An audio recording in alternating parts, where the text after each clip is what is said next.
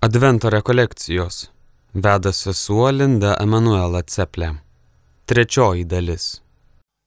Esam susirinkę į mūsų bendrą susitikimą, kurio tema bus irgi kaip įvadas į maldą apie Mariją, mūsų motiną ir jos laukimą.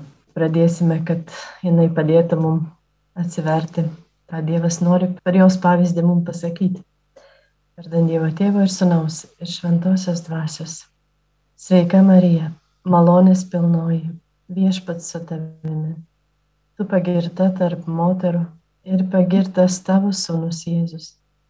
Šventoji Marija, Dievo motina, melsk už mus nusidėlius, dabar ir mūsų mirties valanda. Amen. Vienas iš tekstų, su kuriuo kviečiami būsime pabūti, tai yra Luko Evangelijos pirmas skyrius 39-56 eilutės. Tomis dienomis Marija susiruošusi skubiai iškeliavo į Idėjos kalnyno miestą. Ji nuėjo į Zacharijo namus ir pasveikino Elsbietą. Vos tik Elsbieta išgirdo Marijos sveikinimą, jos iščiose šoktelėjo kūdikis. O pati Elsbieta pasidarė kupina šventosios dvasios. Ji balsiai sušuko, tu labiausiai palaiminta iš visų moterų ir palaimintas tavo iščių vaisius. Iš kur man ta garbė, kad mano viešpaties motina aplanko mane? Štai vos tik tavo pasveikinimo garsas pasiekė mano ausis, šoktelėjo iš džiaugsmo kūdikis mano iščiose. Laimingai tikėjusi, juk išsipildys, kas viešpaties jai pasakyta. O Marija prabilo, mano siela šlovina viešpatį Mano dvasia džiaugiasi Dievu savo gelbėtoju, nes jis pažvelgė į nuolankę savo tarnaitę. Štai nuo dabar palaiminta mane vadins visos kartos, nes didžių dalykų padarė man viešpats ir šventas yra jo vardas. Jis maloningas iš kartos į kartą tiems, kurie jo klauso. Jis parodo savo rankos galybę ir išsklaido iš didžios širdies žmonės. Jis numeta galionus nuo sostų ir išaukština mažuosius alkstančius gerybėmis apdovanoja, turtuolius tuščiomis paleidžia. Jis ištiesė pagalbos ranką savo tarnui Izraeliui, kad minėtų jo gailestingumą. Kai buvo žadėjęs mūsų protėviams, Abromui ir jo palikuonims per amžius. Marija prabuvo pas Elsbietą apie tris mėnesius, o paskui sugrįžo į savo namus nuostabus adventinis tekstas, kurį daug iš mūsų mintinai žino, bent pusė jo, aš manau. Tai nuostabi magnifikat giesmė, viena dažniausiai cituojamų turbūt šventą rašto vietų. Ir bažnyčia yra įtraukus šią giesmę į kasdieninį maldyną, kas meldžiasi breviorių. Tai kiekvieną vakarą yra šitą giesmę kalbama. Taip pat turbūt daug bendruomenių kitų, aš žinau, bent jeigu yra iš Dievo motinos komandų, tai šeimos yra kviečiamos vyras su žmona kartu kiekvieną dieną melstis šitą maldą. Ir taigi, ką šiandien šitas tekstas mums nori pasakyti, tiek daug skaitytas, tai tiesiog, tiesiog lauksim, laukiam ir žvelgiam į tekstą. Tie žodžiai, kuriuos aš čia pasakysiu, jie būna tik tai įkvėpimui, jeigu netinka, žiūrim tai, kas šiandien man, kas man svarbu. Taigi yra tokie veikėjai kaip Zacharijas ir Esbieta. Turbūt daugiau ar mažiau žinome jo istoriją. Zacharijas yra kuningas Izraelyje ir jie su žmona Elsbieta yra nevaisingi. Ir tada ten daug būna tas, kaip Zacharijui apsireiškia angelas ir tada Zacharijas netiki ir jis tada ten turi savo problemų su tuo. Ir kaip Elsbieta irgi slepiasi nuo visų. Taigi laukia ir ten visą tą dramą, kai atrodo sulaukia ir jau sunku patikėti, kad jau sulaukia. Kažkas tokio, kai jau nebuvo žmogiškos vilties. Kažkas tokio. Tai Zacharijo ir Elsbietos istorija galime įvardinti kaip tokią simbolizuojanti visą Senąją testamentą. Visą tą pasaulio laukimą, pasaulio, apie ką mes kalbėjom, pasaulio troškimą ir aišku, kuris susikoncentruoja kaip tokiam adatos tam smailgalį tokiam Izraelio tautoje, kuri šaukėsi Dievo. Tai yra šventi žmonės, ne, atstovauja šeimą, porą, tautą, kunigystę, viskas čia sueina. Jie tarnauja Dievui, jie trokštai tos naujos gyvybės, ilgai laukia ir pagaliau tas laukimas atneša vaisių jau, kai sunku patikėti, kai jau nesitikė. Taigi per tą iš tikrųjų stebuklingą kūdikio susilaukimą yra įveikiamas tas bergždumo prakeiksmas. Ilgo nežinojimo, kodėl, kaip. Tai yra turbūt daug kartų irgi girdėta, ne, kad to laiko kultūroje tai buvo tam tikro tokio Dievo atmetimo ženklas. Šita šeima nėra Dievo palaiminta kažkokiu būdu, jeigu nėra kūdikio. Taip, lyriškai kalbant, mes galim sakyti, jog Elsbieta, mes žinom, kad jinai buvo senyva moteris, būtent todėl tas kūdikio laukimas yra jau stebuklingas praktiškai.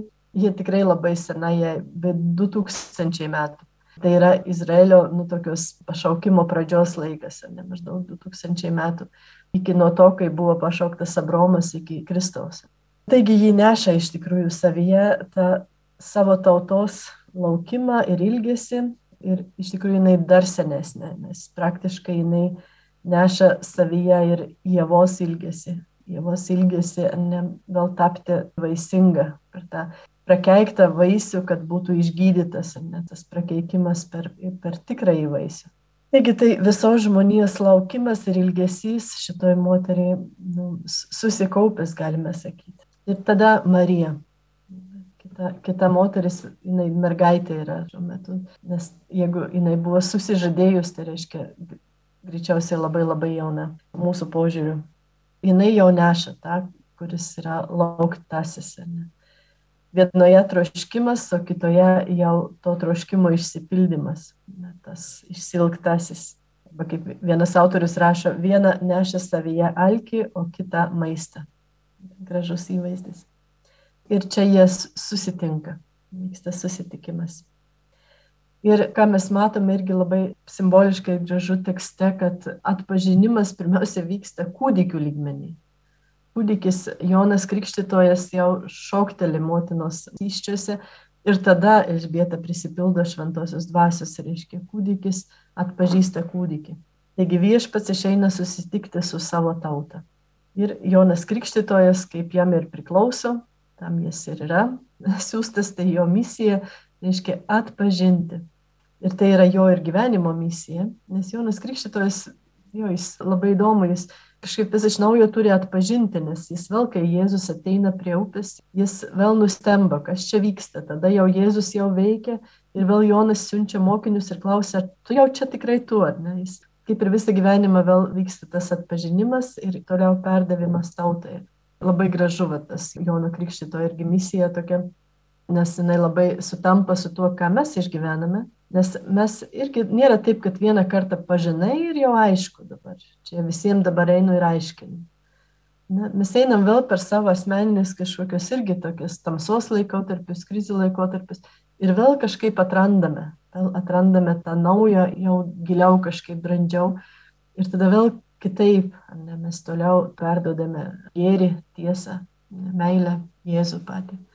Tai Jonas Krikštytojas yra, ta prasme, irgi pirmtakas tokio, kaip, kaip tai vyksta, kaip tai vyksta ir manyje, ir mumyse.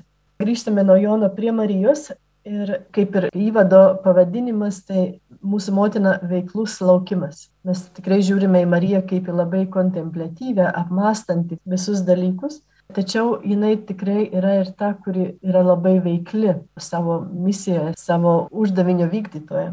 Ir tam tikrą prasme aš net norėjau pavadinti nekantrus laukimas, bet sesija Judita sakė, kad negražiai skamba. tai pavadinau, pavadinau veiklus laukimas, tai, bet čia ta gerąją prasme, kurią mums nuodėmės pažeistiems žmonėms sunku yra suprasti to nekantrumo gerąją prasme, bet gal esame tą patyrę, ne, tai tas gali būti motinos tą gali būti patyrę ar net tą nekantrumą, kuo greičiau, kuo greičiau kažką gero nepadaryti, kažką gero paskleisti, kokią žinią gerą ir, ir, ir taip toliau. Taigi tai labai matosi šitoj Elsbietos apsilankimo scenoje, Marija parašyta, tu šito jau išsiruošė. Šito jau angelo prieškimo gavo ir tu šito jau išsiruošė, kas čia vyksta kūdikio dar nesimato, jo net nesijaučia, ir Marija niekaip dar kūnų nepatiria, ne, yra tik dvasios dar patirtis. O Marija jau dega to Dievo nekantrumu dalintis šituo džiaugsmu. Jau savo sunaus nekantrumu susitikti su Jonu Krikštytoju. Ne? kas yra Jėzaus susitikimas su Jonu Krikštytoju, vyks, tai yra jo misijos pradžia. Tai yra krikštas prie Jordano, kai Jėzus ateina susitikti su Jonu. O čia Marija atneša Jėzų prie Jono. Ir tas susitikimas jau įvyksta. Marija dega tuo nekantrumu, kad jau išganimas vyksta. Tuo tikrai veiklumu. Tas labai graži, e, tokia stipri paralelė eina toliau, kur mes vėl pamatome Marijos veiklumą, tai yra vestuvės kanoje. Jūs gausite maldai taip pat kaip pasiūlymą ir šitą tekstą, jeigu jau čia sakysit, labai jau daug skaitytas yra tekstas apie Elisbėtos aplankymą, galima paimti vestuvių kanoje tekstą. Ir e, čia vėl matome, jeigu apie vestuvės kanoje turbūt prisimenate maždaug tuos įvykius visus, kas čia yra, čia Jėzus yra ką tik irgi pradėjęs savo veiklą panašiai kaip Marijoje ką tik įsikūnijas, tai čia, kai kanus įvykis įvyksta, tai Jėzus ką tik pradeda. Jis dar tik atėjo prie Jordano, pasikrikštijo, ten pirmieji mokiniai kažką jau pradeda ten žiūrinėti, dar Jėzus eina į dykumą, meldžiasi ir tada jis su savo pirmais mokiniais eina į kaną tiesiog atšvesti giminaičio vestuvės. Na, toks labai paprastas būtinis įvykis ir Jėzus dar čia nieko nesiruošia daryti. Tai nėra dar, dar jo tiksluose. Ir tada Marija jį išprovokuoja. Kardinolas Fultonas savo knygoje, lietuviškai vadinasi apie Mariją, grožis buvo atrodo, e, jis rašo, kad Marija savo veiklumu tam tikrą prasme skatina Jėzų pradėti išganomą įvykį, kuris taip pat atves jį prie, jį prie kryžiaus. Bet Marijos širdis taip dega dėl visų žmonių. Tai yra visų motina ir jinai nori, kad kuo greičiau tas išganimas įvyktų. Ir e, nors Jėzus sako, dar mano laikas neatėjo, dėl Marijos to tokio degimo, dėl Marijos troškimo jis pradeda. Pradeda ir įvyksta pirmas stebuklas. Štoks Marijos veiklumas yra ir šventųjų bruožas. Jis gal išskiria tuos žymius šventuosius iš kitų žmonių, kurie irgi yra ir, ir geri, ir, ir taip toliau, tačiau tokie, kur iškilus šventieji, kur kažkaip Dievo darbai ypatingai atsispindi, tai, tai va, būtent yra tas jų toks betarpiškas ir, ir greitas pasiryžimas atsiliepti Dievui. Pavyzdžiui, Pranciškus Asižėtis toks buvo, arba motina Teresė, jinai netrašo savo atminimuose ten, kad, kad laiškuose, kad daug ten viskupai, kunigai ir, ir bendradarbiai jos mane, kad daug priekaištavo, kad jinai per nekantri vėl tas žodis nekantrumas, bet jos paslaptis buvo ta, kad jinai buvo davus Dievui įžadą, kad jinai iš karto atsilieps į Dievo įkvėpimus. Nelauks, kol čia turėsiu geresnės nuotaikos ar, ar dar kažkaip. Ar Pajaučia Dievo įkvėpimą, kad reikia ir jinai tada daro. Beje, dideli nusidėliai ir dideli nusikaltėliai irgi turi šitą bruožą, tik jį panaudoja blogam. Bet todėl jie tada ir padaro va, tuos didelius, bet blogus dalykus, nes irgi yra tam tikras greita reakcija į, tai nereiškia neapgalvota reakcija, bet kai jau turi tą tikrumą atsiliepia. Taigi visa tai mums kalba, kad Dievas, Dievui patinka toks Marijos būdas, Dievui patinka toks bet kurio žmogaus būdas. Ir Dievas ateina ten, kur yra tas veiklus troškimas neturi prasmės nusivylimai, kuriuos mes taip mėgstame, neturi prasmės mūsų apkartimai, o prasme yra ilgesio saugojimas, troškimo išsaugojimas, net kaip žiūrime Esbietą Zachariją, saugo savo troškimą. Ir tada tie konkretus maži žingsniai. Tas pasidalinimas tais džiaugsmais, tom patirtim, veikimas dėl tų patirčių. Dar vienas toks įdomus bruožas, kas irgi kai ką pasako apie Mariją, tai yra, jog tam magnifikat giesmė, žmogiškai žiūrint, yra nesąmonė. Niekas iš to nevyksta, kas ten gėdama.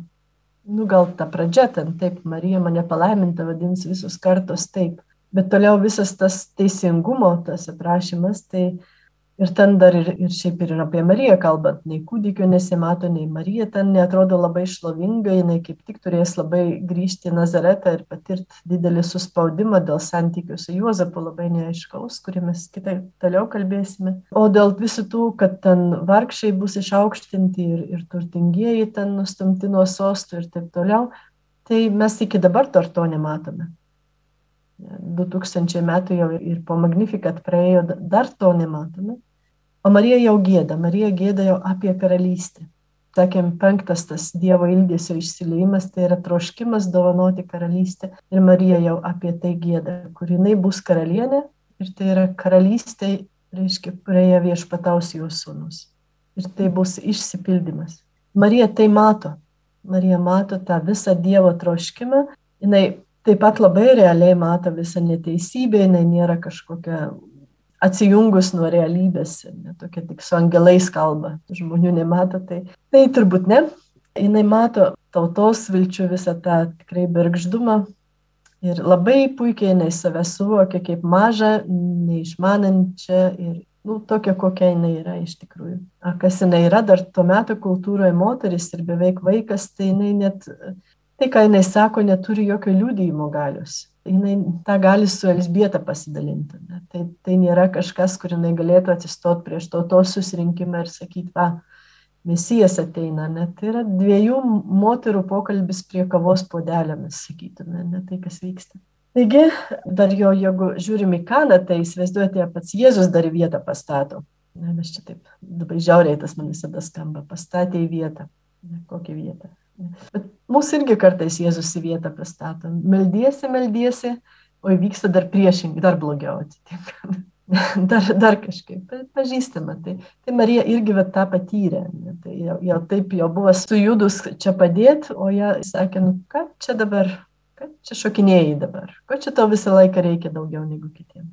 Na taip Jėzus nesakė, bet panašiai tai nuskambėjo. Tai galim klausti, visom tom patirtim, iš kur joje tas matymas iš kur pajėgumas jau sakyti visus tuos žodžius, taip drąsiai eiti ir sakyti, kaip kanoje darykite, ką jis lieps su tokiu pasitikėjimu.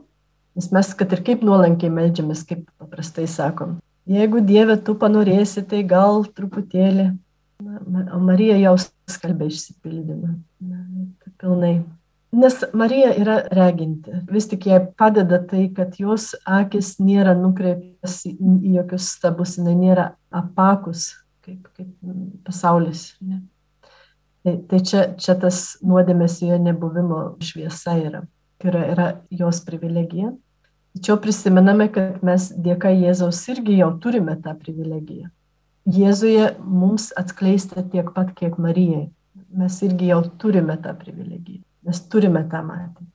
Taigi galime būti irgi tokie kaip Marija ir laukimu ir jau skelbimu vyrai ir moteris.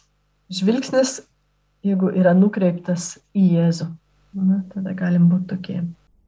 Dar turbūt ir aišku, tačiau dar porą žodžių apie tai, jog iš tikrųjų, kad ir kaip čia sakau, Marijos veiklumas, skubėjimas, užbėgimas už akių pačiam Jėzui, ar, ar tas šventas nerimastingumas ir taip toliau, tačiau tame nėra to nerimo, kuris mums dažnai siejasi su veiklumu.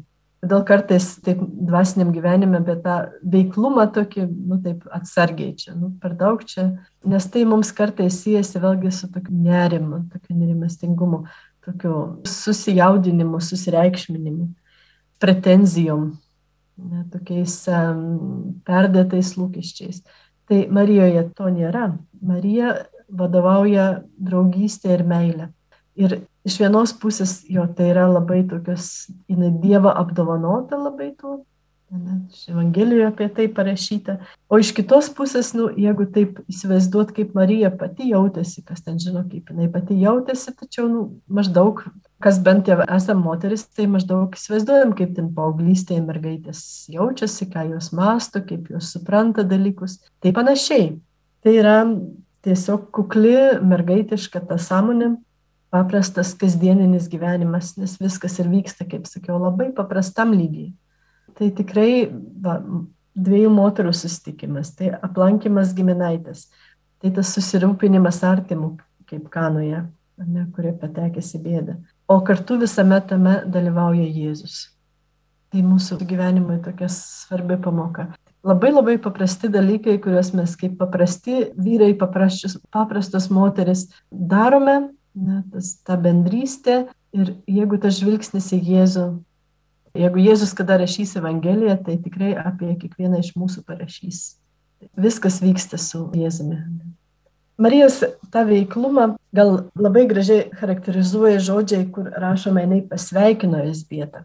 Tai originaliai, kaip, kaip vyksta pasveikinimas, žydiškoje aplinkoje, tai yra šalom, tai yra ramybės palinkėjimas.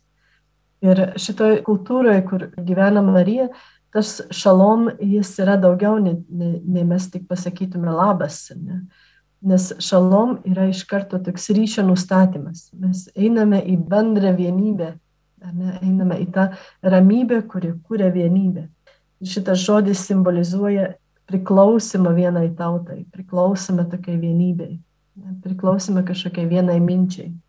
Pavyzdžiui, Senam testamente yra pasakojimas apie Juozapą ir jo brolius. Ten dar labai, labai arhaiškas pasakojimas.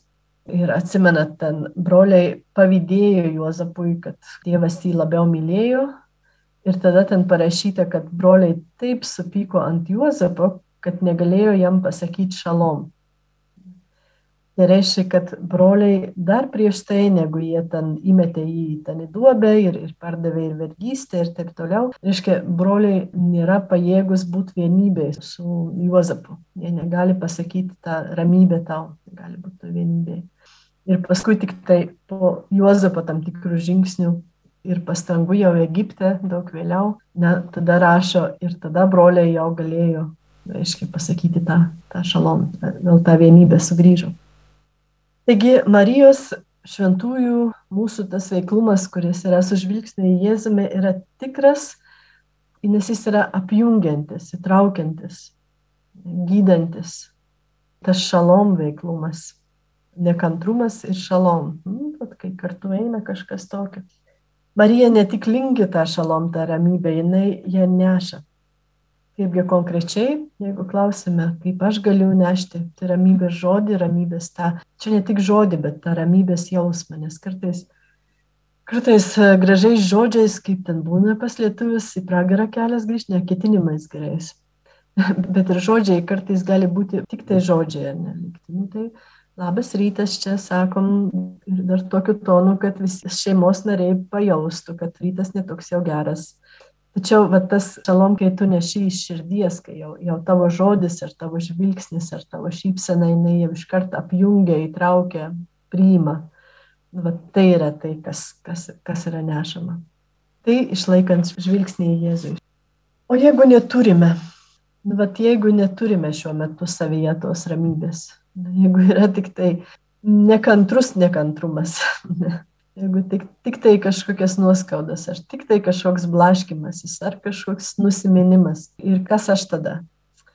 Yra nuostabus dalykas. Tada aš esu vargšas. aš esu vargšas. Tada aš esu, galiu atsistoti kaip į tą Elsbietos rolę. Ne? Neturėjimas tai skatina bendradarbiauti ir prašyti ir laukti.